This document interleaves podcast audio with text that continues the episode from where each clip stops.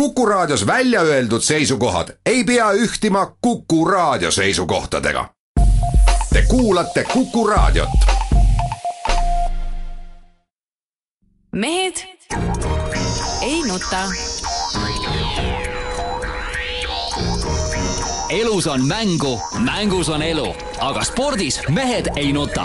Unibet, mängijatelt mängijatele. mehed ei nuta. tere teisipäeva, Nuta eetris, Peep Pahv Postimehest, tervist!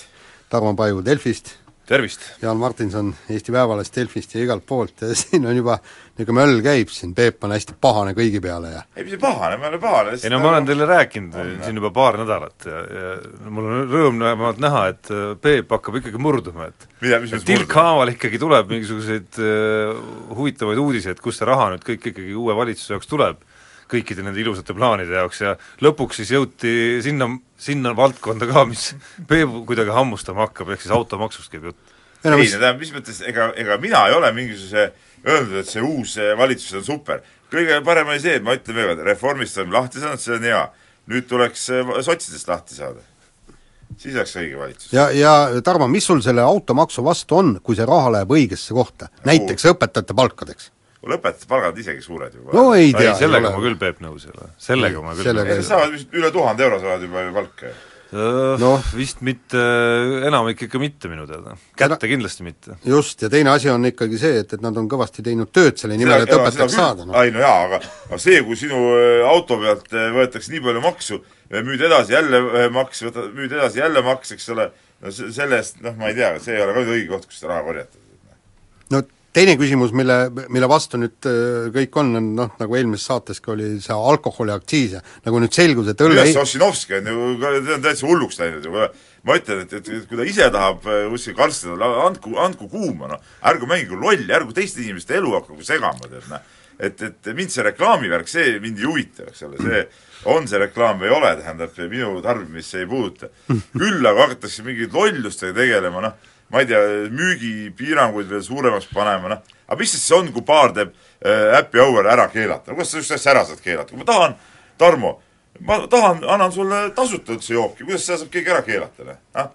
Peepkole? ei no ei, minul on ikka rõõm on näha, et nädalaga ikka Peep on nagu asjadest hakanud nagu ei, teistmoodi aru saama. Need sotsid ei ole kunagi meeldinud ja ja, ja, ja, ja see on nagu punane rätik on minu jaoks see sotside värk alati olnud. ja, ja noh, see Ossinovski küll no ta on ka tegelikult, ta on ka kahepalgeline, eks ole. ta on ahelsuitsetaja. esiteks jah, ta rikub oma tervist suitsuga, eks ole, teiseks minu andmetel ta eh, ütleme, ei ole tegelikult karstlane, eks ole, aga siin nägu teeb küll sellist, nagu oleks mingi pühak, tead, inglitiivad oleks seljas, tead, noh. naljamees. Peep, kuule, eelmine aasta käisime Faluni MM-il suusatamises, mõtlesime, et võtame väiksed õlled. Noh, niisugused veidi kangemat õlut ka ja ja siis hakkasime Rootsis polegi kanget, see ongi see ühe koma ühene. ei, no se-, seal on ka kang-, kangemat ja hakkasime siis uurima, et kuskohast saab ja öeldi, et, et terve Faluni peal on ainult üks viinapood. ja põhimõtteliselt linn on sama suur kui Kohtla-Järve. ja kus see on? aga sõidate sinna, sinna, umbes viis kilomeetrit sõidate kuskil seal, nii. ja no Jeeme viitsime sinna muidugi minna, eks. no jaa, aga, no. aga mina pooldan seda, et kui, kui niisugune trall hakkab pihta, siis inimesed tehke, tehke kodus, ajage samakat, värki, arveldage selle samakaga, kui keegi tuleb sulle midagi, pakub kaupa, andke sa-, andke see samakonn vastu ja ongi kõik ja see on normaalne ja, ja tutkid pratt sellele riigile, teate, mingeid maksusid ja värke siis, noh, siis saite, mis tahtsite, paras teile, tead, nii ongi. Peep, ja kusjuures Gruusia tšatša ehk siis viinamarjadest aetud samakas, jube hea asi. sõjaväes oled proovinud ju? ei, mina, ma olin ju siiski Ukrainas ja seal oli Ukraina samakas, ka väga hea nii, kuule, aga räägime, räägime nüüd spordist ka natuke. nii äh,, vormel üks maailmameister Nico Rosberg. no siin ei midagi rääkida, puku-juku, no see tähendab, et niisugused vennad, kes, kes korra midagi võidavad ja siis neil järsku enam ei ole motivatsiooni ja enam ei saa ega ole, no see, see ei ole tõsine mees, näe. see ei ole tõsine spordimees tegelikult, näe. ja, ja mul on jumala kahju, et niisugune mees üldse võitis mingite segaste asjaoludel. no põhimõtteliselt jah, inimene teatas, et, et nüüd ta lahkub äh, nii-öelda töökohalt mis, mis minu meelest on kõige äh, hullem, on see, et alati sa pead andma kaotajale revanši võimaluse. Yeah.. ta tuli maailmameistriks, revanši okay, võimalust ei no lahkuda võib, aga Rosberg on kolmekümne ühe aastane. mitte, mitte niimoodi, eks et see, see tundub nagu ebaaus, nagu Niki Lauda ütles, nii tiimi suhtes ikkagi, kes äh, on temaga sõlminud pikaajalisema lepingu ja ja seda lepingut sõlmides äh, ma saan aru, mees ei valgustanud oma mõttemaailma, et äh, kui läheb, niisugune stsenaarium tuleb, siis ma loobun ja kui ei tule, siis või kui ma ei võida, siis ma panen nii kaua edasi, kuni võidan, et see, seda ju ei juhtunud ja ja noh, konkurentide suhtes ju noh, Lewis Hamiltonil on ka nagu tobe olukord, tahaks tõesti ju revanši võtta, noh. Just, aga, aga no samas jälle, noh, eks see Rosbergist äh, võib ka nagu aru saada, taskud pappi täis, eesmärk on täidetud ei, kuidas sa aru võid saada, aga kuidas siis teised kõik, kuidas sama Hamilton on suutnud jätkata, kuidas Vettel on suutnud jätkata, kuidas omal ajal Schumacherid, kõik vennad suutsid jätkata, tema nüüd järsku ei suuda, tead noh. ei no sealt kumab noh, aru saada, aru saada muidugi võib, aga saa. kõige rohkem on võimalik sealt aru saada sellest, et ta pigem pelgab seda uut võitlust ikkagi Lewis Hamiltoniga, kellele ta kui siis, siis kui hooajal jälle asjad otsustavaks läksid, pidevalt kaotasid. pehmelt sõnastad, pupujuku on ta tegelikult, noh. see on selge, noh. jänes. Siin ei ole midagi rääkida okay.. ja niisugustest meestest ma ei tahagi siin saates rohkem rääkida.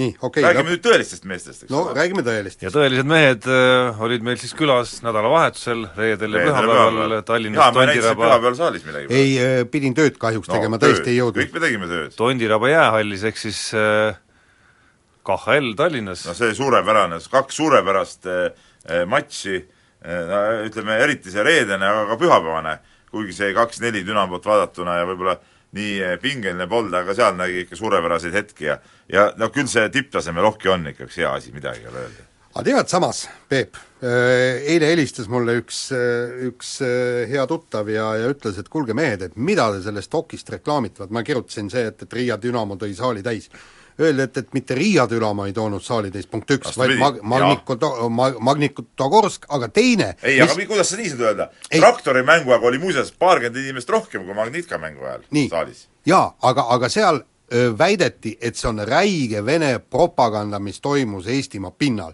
et kõik harjusid Rossija, Rossija, Venemaa lippe lehvitati, Venemaa lippe öö, aa, Latvia, Latvia karjuti ka ja Läti lippe lehvitati ka, mis me teeme siis? no ma ei tea, me tee peal Jaaniga natuke rääkisime sellest juba ja ja ega me kumbki nüüd äh, väga ei suutnud suhestuda sellesse etteheitesse, et just, et, et noh, no aga kuule, tervita seda oma tuttavat ja ütle, et kuule, keera oma ajud paika tagasi, tead noh, väga lihtne noh. et midagi ei ole teha, meil on palju vene juurtega inimesi ja me ei saa neid juuri kuule, seal oli palju eestlasi ka, mis te nalja teete, ei, kui ta kui käid seal ringi, seal eesti keelt kostus iga nurga peal. kui ta räägib äh, Rossija hüüetest, noh, meil on palju vene juurtega inimesi, mis me peame need juured läbi lõikama siis lihtsalt, käige Lasnamäel ringi, noh, nende juured on seal. kas me, kas me seda siis paneme pahaks, kui näiteks tuleb, no ma ei tea, tuleb USA mingi meeskond siia ja siis Eestis elavad ameeriklased äh, on nagu nende poolt või, või no, lehvitavad USA lippu, seda paneme pahaks. või teine pane. näide, et Eesti läheb no. mängib Austraaliaga kuskil, siis Austraalias elavad eestlased, eestlased või, vaatame, või väliseestlased tulevad ja on Eesti poolt.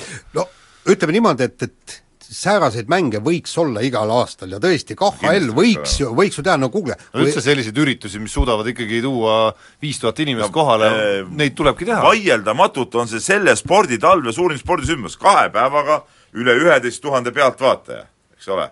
Kus veel, Otepää MK-le või, nalja teete või? ei no si-, ei sinna, sinna ei, võib ka tule, tulla, sinna võib tule, ka tulla. kui meie omad on nii kehvad, siis ei tule sinna midagi. aga mujale ei tule nagunii Peep, kuule. mujal ei tule nagunii ju noh. tegelikult selle mag-, äh, Magnitka mängul oleks tegelikult vist rohkemgi pealtvaatajaid tulnud, kui saal no, oleks see müüdi ju läbi juba kuu aega enne. nojah, aga, aga, aga huvitav kombel traktorimängul, ma räägin, oli oli paarkümmend inimest rohkem nagu numbriliselt isegi. kus sa lugesid ise üle? ei, seal öeldakse ju seal öeldakse ametlik number ju noh. aga ütleme üks viis tuhat kuussada seitsekümmend ja viis tuhat seitsesada mingi seitseteist oli teisel mängul. Noh. aga üks nagu nukram pool minu arust sinna juurde ikkagi elav tõestus oli meil praegu olemas, et, et hoki ikkagi vene rahvusest, eriti vene rahvusest inimeste jaoks noh, on vaieldamatult ala number üks ikkagi. et missugune potentsiaal on ikkagi jäetud kasutamata selle näol, et noh, Eesti hokit kui sellist ei ole ikkagi olemas meil, null ikkagi see on arusaamatu, jah. et äh, noh, alustades sellest, et jäähalle pole suudetud piisavalt teha, äh, kõi-, noh, sealt ei tule ka siis hokimängijaid, ehk siis see suur potentsiaal nende vene noormeeste näol ikkagi on ju tegelikult äh, Eesti ajal kasutamata kõik. ja teine asi on see, ma mõtlesin, et kõikidest nendest plaanidest ja erinevatest hokijuhtidest ja kõik, kõikidest hoolimata no,. kuule, see, see ei sõltu ikka hokijuhtidest, eks need hokijuhid tahavad ka, aga vaata, see jäähallide ehitamine no, see on süsteem, ei süsteem omavalitsus Läti on igas, mine Lätti, igas külas on või no ütleme, suure, vähegi linnas on on see jäähall olemas. no jaa, aga ega see küla ju ise ei, ma, ma, ma ei usu, et ta suudab eh, ehitada, võta kas või see oma Keila. jaa, aga kui ma rääkisin oma sõbera ajakirjanikuga, kes Lätist tuli siin, tõi mulle muuseas liitrise Riia Palsami tead, külakostiks, aga see selleks. ja ta küsis, aga kelle, mis siin saalis nagu muidu toimub või mis hall see üldse on? ma ütlesin, et midagi ei toimugi, eriti et siin iluuisutajad teevad trenni ja mõnikord võistlevad ja mingid nipet-näpet ei no ma olen aru saanud, et jääajad on seal ikkagi pungil täis. jaa, ei, seda küll, aga tipptasemel sporti ta mõtles, eks ole. nii, ja siis ta küsis, et aga kes selle kõik kinni maksab, ma ütlesin, linna omavalitsus, oh, see on ju ebareaalne, kuidas niisugune asi üldse võimalik on, et Lätis ei ole niimoodi, tead näe, ei ole niimoodi. no, no jaa, aga, aga veel kord, kas Keila suudaks endale äh, jäähalli ehitada ja et ei no üksi muidugi ei suudaks no,, ei just. seda muidugi. ei no loomulikult see on, see on riigitöö, vaata praegu just parajasti sel kellaajal või kuskil hakkab Kultuuriministeeriumis mingisugune aasta eh, pressikonverents, mingi tilulilu, eks ole. ja seal see spordikantsler Taavi Pürn ka räägib midagi, räägib kogu jutt, mis ma vaatasin, oli eh, programmis ette nähtud mingi ujumise algõpetuse parandamine. eks see ei ole Eesti spordi ainuke küsimus, millest siin rääkida ja mille seljas ratsutada, tead. see on ka oluline siis. ei, oluline muidugi, aga tervikuna ei ole mitte midagi spordi jaoks tehtud Kultuuriministeeriumis. nii ja siit, nii, nii ja siit viide Ossinovskile, et äh, jäähallid nii sinna Ida-Virumaale kui Tallinnasse ja sealt me saame vähemalt vene, vene rahvusest noormehed äh, viina ja sigarettide juurest kuhugi mõistlikusse kohta tuua, nii aga kuulame nüüd vahepeal reklaami. mehed ei nuta. elus on mängu, mängus on elu, aga spordis mehed ei nuta.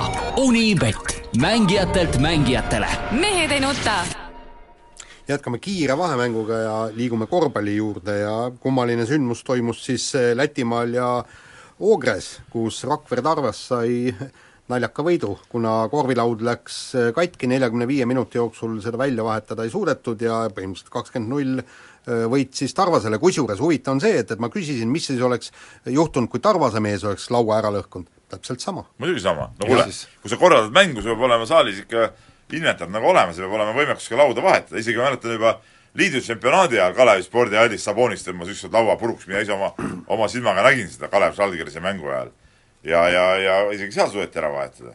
noh, isegi tol ajal juba. ei no jaa, aga põhimõtteliselt siis no ütleme niimoodi, et, et tuleb leida lihtsalt strateegia olemas, tuleb mingi jõulisem kuju leida satsi. aga normaalses kohas see ei toimi, ma räägin, normaalses kohas vahetatakse laud ära. ei no mis no, sa lõhud teise ära ja lõhud kolmanda ära ja noh, ja nii edasi ja lõpuks no, no ei, see on iseenesest nagu hea mõte, aga jah. kui teistmoodi ei tule võita. eks nende võitudega noh, see aasta seal Balti liigas, okei okay,, Tarval on nüüd viimasel ajal natuke paremaks läinud, aga ei, see oli teine võit neil. just. et, et noh, võitudega nüüd väga laiutada, ütleme, ei ole noh, siis Tarvas mingi strateegia leiutas, ma saan aru, et seal läks tüliks ka ikkagi, et kohapealsed tüübid olid tahtnud ikkagi teise saali üle viia ja, ja seal mängu jätkata. see on nonsenss muidugi, mingis teises saalis poole mängu, et see on nagu mõttetus. ole korraldage oma asi nii, et, et mina ainult toon teises saalis see laud kiiresti, mis seal on, neli potti lahti ja alla ja läheb, noh, mis seal on siis kiire töö. no ei ole võib-olla linnas kuldsete kätega mehi. kuule, meil oli siin, meil oli teise liiga mäng siin ka siin kuu aega tagasi, seal Siili spordihoones, ja seal oli rõngas pooleks, eks ole. no ka töömehi polnud, võtsid need vastased Kalevi duublimeeskonna mehed, muidugi pean tunnistama seda, et oli, kes minu trennist tulnud mees muidugi kuldsete kätega loomulikult tänu sellele, vahetas selle rõnga krõps-krõps-krõps ära, kahe minutiga korras, hakkas mäng pihta, tead noh. Rõngas oli pooleks see käib, Keila korvpallikoolis käib see nagu ütleme ei, see oli Siilis. ja, ja kui ma mõtlen, ütleme, sinu hoolealustel Keila korvpallikoolis, see on nagu õpetuse seas on, korvi, korvilao vahetamine. Vaata nagu mingites kohtades on relva pealt pimesi suutma vaata, sa saad valesti asjast aru. kokku panna lahti. seal alguses üritasid mingid linnapoisid, need ei osanud isegi mutrivõtit käes hoida, mis pidi või kuidas või mis sellega tegema peab, urgitsema nina või või, või, või polti keerama, eks ole. ja siis ma ütlesin, ole, ole davai, võta oma kätte see asi, tee ära. noh, mees võttis, tegi ära, kõik korrast, et noh lihtne värk, te saate aru, Tallinnast väljas elavad inimesed oskavad midagi teha, erinevalt Tallinna pupujukudest, kes mitte midagi ei oska. no mina niiviisi, kui nad ei saagi midagi osata, nii. nii, vahetame teemat, äh, aeg on jõudnud äh, nüüd sinnamaale, kus Liverpooli jalgpalliklubi fännid on asunud nõudma Ragnar Klavanit väljakule, see, mida viimases mängus, Premier League'i mängus siis nähti, see, kus kolm-üks eduseis äh, kaotuseks suudeti mängida, ma ütlen nii, et need Inglismaa jalgpallifännid, need ei ole tõsised inimesed, tead, need arust nad on täitsa täitsa ka kummalised kujud. et piisab ühest mängust, kas näiteks Klaavan siin mängis ka natuke ebakindlalt, siis öeldi kohe üldse klubist ära saata, mis niisugune mees üldse toodi, eks ole. nüüd teine mees, eks nüüd kohe, mis Klaavan ei mängi, tead noh, kogu aeg on paha, kuule. noh, ega siis kuule ükski mees ei suuda mängida ju kõiki mängi, mänge niimoodi, et eksimusi ei tule, tead. aga neil on ühe, iga ühe, ühe eksimuse ühe mängu peale kas saadame ära, toome teise mehe, siis ka nädala pärast võib unustada juba, et see eksis, toome, miks ta ei mängi, eks ole, kogu aeg on mingi kama jaad, et noh, totrus. Jah, aga noh, ma toon siia võrdluseks nüüd äh, Ameerika äh, asjad, seal, seal ei ole fännid niivõrd kirglikud, aga, aga pigem ajakirjanikud ja, ja äh, telereporterid. pagan, ma ei ole Eestist küll kuulnud, seal ma vaatasin NFL-i mängu ja, ja just Bengalsi me-, meeskonna koha pealt, lihtsalt kommentaator otse-eetris ütles, need kaks mängijat ei tohi järgmine aasta Bengalsis mängida, nad on nii kehvad kindlalt tuleb minema saata ja muidugi täpselt samamoodi ka peatreeneri kohta. et ühesõnaga seal, seal võetakse asja väga konkreetselt, nii-öelda ka ajakirjanduse poolt, aga me oleme ka natukene niisugune tagasihoidlikumad. nii, aga huvitav vahejuhtum oli siis Raido Ränkeril äh, Lillehammeri murdmaasuusatamise MK-etapil, kui mees rühkis äh, mäest üles ja järsku oi-oi-oi, suust tuli alt ära, tead noh. Eks see iseloomustas muidugi väga ilmekalt ka kogu seda Eesti no jätame nüüd sprindi kõrvale, ütleme Eesti distantsisõidu hetkeolukorda. No,. väga, väga no eks võib-olla see ongi, kui vaata tempo liiga aeglaseks läheb, siis suust tuleb lahti, vaata. jah, mõtles, et, see paus, automaatkamber, et et puhkepaus tuli ja kõps tuli lahti. Ei no jaa, aga no põhimõtteliselt vana, vana kukekas aitaks minu arust, saapa, saapa alla äh, augud sisse puurida, lähevad nagade otsa kukega kinni ja siis ei tule kunagi ära, minul ei olnud mitte kunagi ei vana kukekas ära ei tulnud, noh, väga lihtne. no järelikult nii tulebki teha. nii, aga no kuldsete kätega, kust Ränkel pärit on? on ta Tallinna mees või ta on ei, ma ütlen, Ränkel tundub ju tõsine mees olevat, ma arvan, ta saab hakkama küll nende paigaldamisega. just. nii, aga viieteistaastane Gerg Riisa, meie noor kossumees, sai korralikud ristsed BC Ka-, Kalev Cramo vastu ja, ja esiliigas selle niisuguse sõmerust on Ränkel pärit, siis ta oskab kindlasti see on näha, et tõsine mees. ja siis seesama Gerg Riisa pani siis esiliigas, pani laheda lõpukolmese, et noh, nagu hoog oli peal Kalev Cramo mängust, kuigi tegelikult noh, nagu meil räägiti, et, et see ei olnud nagu õige värk seda Gerg Riisat mängujuhina panna niimoodi suurde mängu. mis kohale ta paned, siis ta ongi mängujuht ju. no, no sa ei saa poissi panna, viieteist aastast poissi mängima ega see nüüd, mina, mina, mina, mina ei saa sellest tragöödiast aru, mida selle ümber nüüd lüüakse nagu lohku rohkem, kui see asi nagu väärt on, mis seal küll, nüüd siis nii hullu küll oli? mul on nagu omad mõtted, miks Gerg Riisa võib-olla ei peaks veel meistriliigas mängima. aga see ei ole tingitud, see ei, ühti sellega, et et noh, et ta ei oleks tohtinud mängujuht olla ja nii edasi, küsimus on minu silmis on küsimus rohkem tema eh, füüsilises konditsioonis, et ta on niisuguse niisuguses äh, arengustaadiumis, et ta noh, ta on niisugune kerge ja udusõlg ja tal on nagu meeste vahel on oht äh, saada vigastust võib-olla suurem kui, kui mõnel niisugusel füüsiliselt kiiremini arenenud poisil, aga muidu oma mängutarkuse ja ütleme, selle aju poolest äh, miks ka mitte, ma ei näe küll mingit probleemi, miks ta ei võiks seal mängida. ka kaitseaktiivsuse poolest täitsa jah, kuigi just okay, kaitses ongi see, et, et kui no ja seal ta võib haiget saada. seal ongi, need tekivad need probleemid. nii, aga sellega on saade pausile läinud, kuulame uudiseid. mehed ei nuta elus on mängu, mängus on elu, aga spordis mehed ei nuta. Unibet, mängijatelt mängijatele. mehed ei nuta.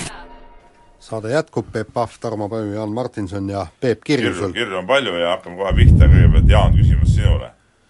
Jaan, kas sa suudaksid kolmekümne minutiga visata kuuskümmend silma nii, et peaksid jooksma rünnakule ja siis kaitses tagasi, ilma et teisi mängijaid platsil poleks? et see küsimus on ajendatud siis Clay Thompsoni täna varahommikusest, ütleme, viskekontserdist, eh, kui ta viskas siis kuuskümmend punkti kolmekümne mänguminutiga?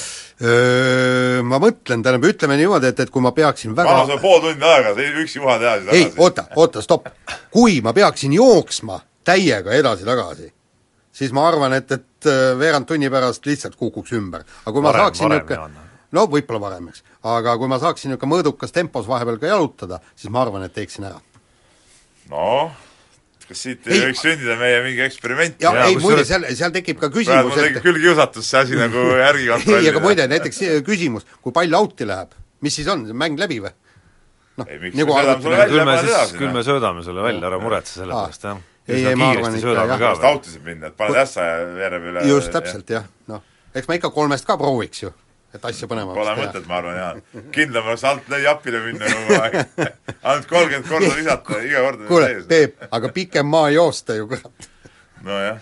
seda küll. jah, kusjuures meie eelmises saates äh, õhku lennanud äh, eksperimendi mõte äratas siin veel peale saadetki tähelepanu, see, mis puudutas kettaheidet, kolme mehe kogusummat ja võrdlust Gerd kas keegi Kanteriga. seadis kahtluse alla selle? jaa, leidus inimene, kes seadis kahtluse kes alla, on see limukas, kas ma tean teda? sa tead, tead seda, jah? nii, ta on Eesti spordistruktuurides tuntud inimene, kunagi ahah. kümnevõistlust teinud, võin vihjeks öelda, ah nii, ja Kadrioru staadionil rahvast hullutanud äh, Eesti koondissegi kuulnud. ahah, mul praegu ei karga nagu ette no vot, mõtle välja saate lõpuks. Seadis kahtluse alla ja Kuidas jääb, pani endale pani endale kalendrisse kirja ikkagi selle, et äh, kindlasti tuletab suvel meelde meile seda. mm. -hmm. no selge. No tuleb, tuleb proovida, ma hakkasin kohe muide seal toimetuses sammudega meetrid mõõtma ja siis vaatasin, kui kaugel ma ikka, no hakkas ma hakkan niisugune juba hakkas ka ja, jah, juba et hakkas seal- kibelema jah, tähendab ei, ikka no pigem mulle tundus, et hakkas selle ikka jalg värisema no ei, ei jalg ei hakanud värisema, aga lihtsalt noh, niisugune äks tuli sisse, et, et tahaks kümme võidelda. Jaan ikka ära heidab, noh. ei, ei no rohkem ma viiteist ma planeerisin talle ikka jah, ei, aga ma arvan, et ikka kakskümmend tuleb ära. noh, nii. siis me võime vasakuga heita Peebu. Läheme kirjadega edasi ja Taavi Tammon kirjutab meile ja teemaks korvpall seekord ja kirjutab, et saan aru, et olete kõigi sõbrad ja nii edasi ja ei taha ebamugavatel teemadel rääkida. see ei vasta muidugi tõele, me räägime siin igasugustel teemadel. aga kas ei oleks ükskord aeg tõsiseks teemaks võtta meie korvpalliklubide peatreenerite küsimus. aastast aastasse on peatreeneritena jätkanud ühed ja samad mehed, Varrak, Kullamäe, Sõber, Visnapuu. peaks ju olema kaugel näha, et sisuliselt mingit arengut nende puhul ei toimu, samad tulemused, samad vabandused korduvad aastast aastasse. aga mehed on ikka peatreeneritena edasi, kuigi sobivaid kandidaate oleks teisigi. et äh, et äkki ta siin püstitab küsimust, äkki ei olegi siis treenerite määramisel äh, põhiline see tema võimed peatreener, mingid muud seosed ja sidemed, et siis klubide juhid ei taha neid äh, peatreenereid lahti lasta. no selge see, et näiteks kui võtame see Andres Sõbra, siis ta ise ongi klubi juht ka, et nagu iseennast lahti lasta, ei ole ka nagu otsest nagu pointi, mis nagu siin teisi mehi puutub, siis jah, ei no selge see, et eks äh, võib-olla mõni vahetus vahest äh, tekitaks mingit uut hingamist ka, aga teisalt öelda nüüd, et kandidaate oleks teisigi, et kandidaate väga palju oleks meil siin võtta, kes võiksid olla peatreenerid, see nüüd ka päris, päris õige ei ole, et ega, ega see ring on ikkagi suhteliselt ahtake meil. noh, mis puudutab paigalseisu, siis noh, ega, ega uusi mängijaid, isegi kui me vahetame mõne treeneri välja, ega uusi mängijaid kuskilt sellest liigutusest ei teki kohe kuidagimoodi, et, et mingisugust tasemehüpet selle pealt noh, lihtsalt ei tule, et me saame üksiknäidetest rääkida, kuigi meil on ka üksiknäited, kus on uut verd tulnud treenerite pingile, Heiko Rannula näol näiteks kas või, kes on ju väga kenasti hakkama saanud, tõsi, meil on ka näiteid treeneritest, kes ikkagi noh, vääriks pildil olemist palju rohkem, noh Priit Venest me oleme siin ju rääkinud ja ja endiselt on natuke müstiline, et nende aastate jooksul, kõikide jooksul ei ole mingisugust äh, jõudu leidunud siis, kes tahaks teda nagu rohkem rakendada ikkagi ükskõik kas klubis või või mõnes muus äh, rollis. no nüüd ta sai koondise abitreener. no see on ikkagi selline noh, pisik, pisikene, pisikene nõuandev roll. suudeti teda tuua nagu asja juurde. jah, no mille üle mul on hea meel iseenesest, et ja mis oleks minu arust võinud küll juhtuda varem juba, kuigi seal on natuke seesama Andres Sõbra case, et TLÜ Kalevis Kalle Klandorf nüüd andis ikkagi Raido Roosile need ohjad lõpuks üle, et seda oleks ta võinud, hoolimata sellest, et see nii-öelda tema klubi on, minu arust ka ammu juba teha. aga samas me ei saa nagu ei Klandorfile ega sõbrale nagu ette heita seda eh, oma tegevust, et, et nemad on ise selle võistkond püsti pannud ja tahavad seda juhtida, siis no siis ongi, siis juhivadki, no ei olegi midagi kellelgi kobiseda. Peep, kui tehke ju- ise siis oma klubiga tahate. Peep, kuule jutt ei käinud siin ikkagi Sõbrast ega Klandorfist, jutt käis Kullamäest nagu just täpselt, no vot nii.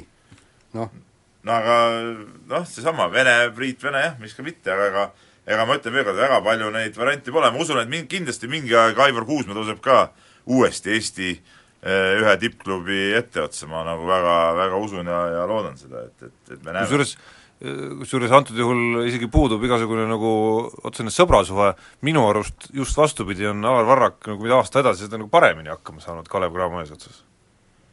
jah, ega ma ei ütleks küll, et ta nüüd, ta on nii noor mees, et ta areneb iga aastaga, see on, see on loogiline. nii, aga me jõuame kiiresti võtta veel ühe kirja siia ja ja jutt käib veel kord korvpallist ja, ja, ja Jaak Salumetsa presidendiks saamiseks ja on siis Jaan toonud välja ühe Õhtulehe artikli kahe tuhande viieteistkümnendast aastast, kus siis Salumets ütleb sellise asja, et ta ei soovi Eesti poisse treenida, et ta eelistaks selle asemel treenida hoopis leedukad või venelased, sest eestlased on liiga pehmod. ja siis küsibki Jaan, et miks nüüd nende pehmode, miks nüüd tahab Salumets saada nende pehmode presidendiks. et mingu hakaku parem nende venelaste edukate presidendiks, et, et see niisugune väljaütlemine peaks täiesti välistama Salumetsa saamise Eesti korvpalliliidu presidendiks. noh, ei no eks mi, no ma siis... tahan siin, siin, siinkohal öelda, et, et no mis siis, kui äh, Salumets ei saa presidendiks, siis meie, eestlased, ei ole siis pehmod või? Tegelikult seda on ju väga paljud välja öelnud, ma ei mäleta, kes, ühes artiklis oli ka, et, et äh, keegi korvpallitreener ütles, et, et kui ikka äh, leedulane ja eestlane võitlevad korvi all, siis, siis leedulane mängib verehinnaga seal korvi all, võitleb ja, ja me laseme lihtsalt ennast ära suruda, tegelikult see on tendents, rääkige ükstapuha, mis treeneritega tahes. ei no see jah, selles suhtes on sul muidugi Jaan õigus, et, et äh, see nagu otseselt ei määra, et kas on Salumets äh, president või ei ole, et kas Eesti poisid on siis pehmad või ei ole.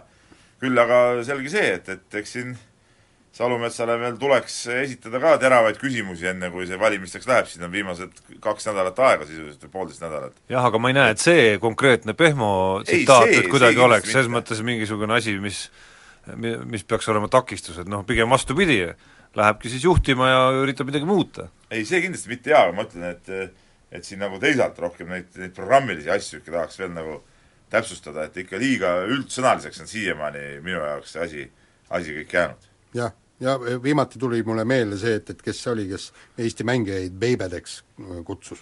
Heino Enden.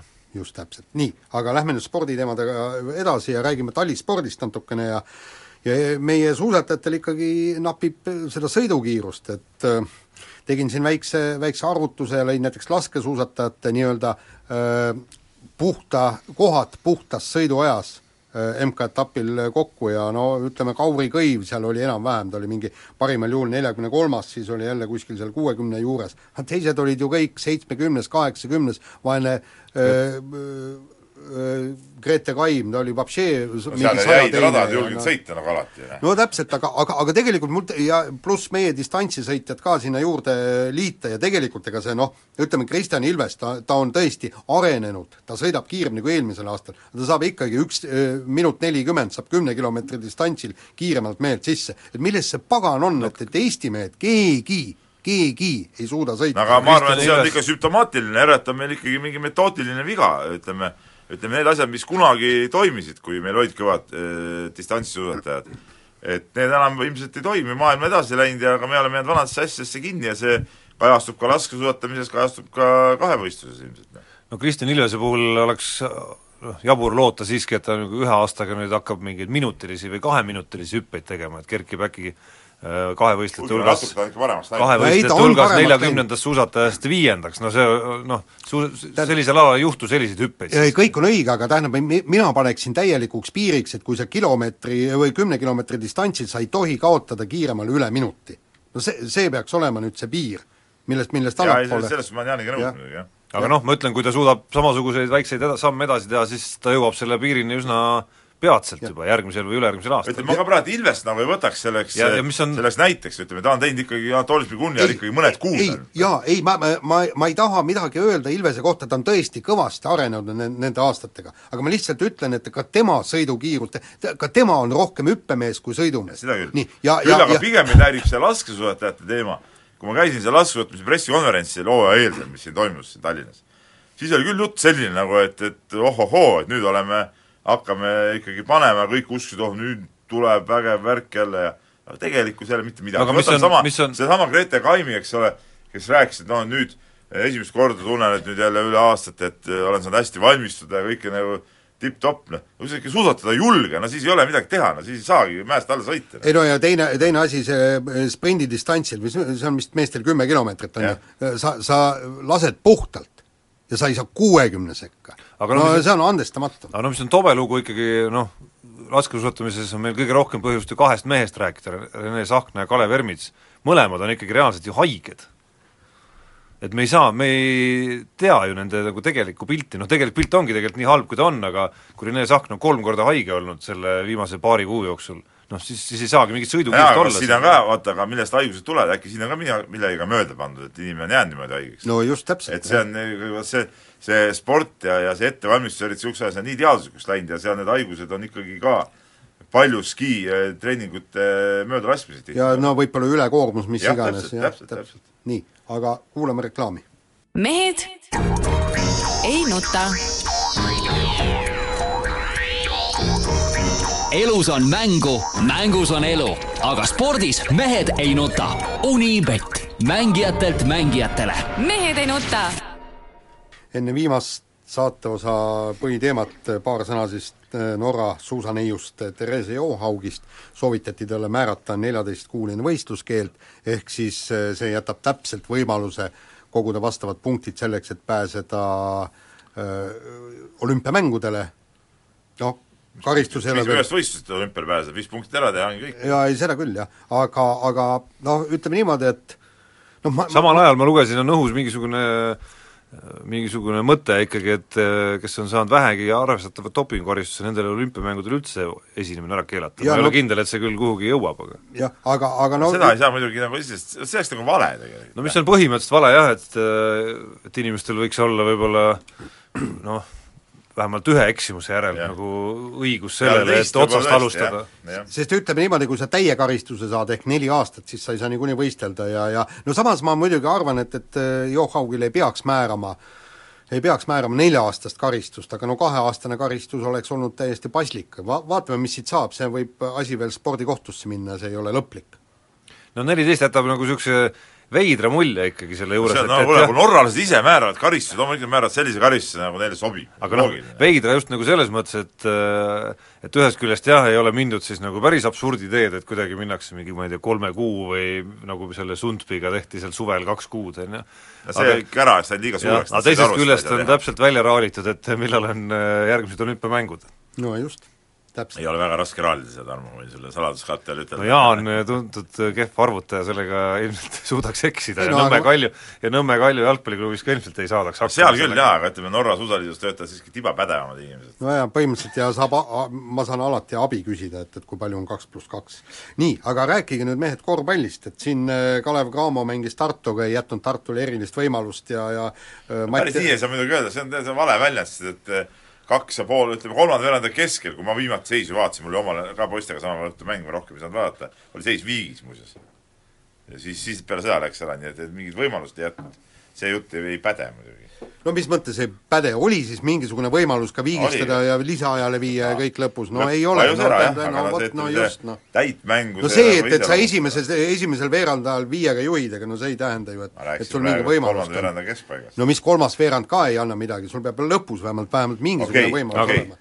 aga noh, aga ütleme noh, mis mis Kossu teemadel tegelikult mind kuidagi põletab isegi rohkem praegu, viimastel paaril nädalal, Jaan võib seda tunnistada toimetuse vestlustest, kui siin meie klubide tegemised praegu on noh, A muidugi haakub sellega see, et Kalev Cramo ja Mattias Tass said lõpuks oma asjad seal Prantsusmaal korda ja, ja Mattias Tass liitus nüüd Eesti meisterklubiga, aga aga ja samal täitsa sümpaatse debü-, debüüdiga no, täitsa, jaa, no olles tema mänge noortekoondises näinud, siis noh, mu ootused tema suhtes on olnudki viimastel aastatel juba aga sa ära unusta, tegemist on siiski, siiski kõigest seitsmeteistaastase noormehega. kes ei ole kindlasti meeste hulgas korvialuseks ja. mänguks füüsiliselt veel nagu ja. kaugelt ja kaugeltki valmis.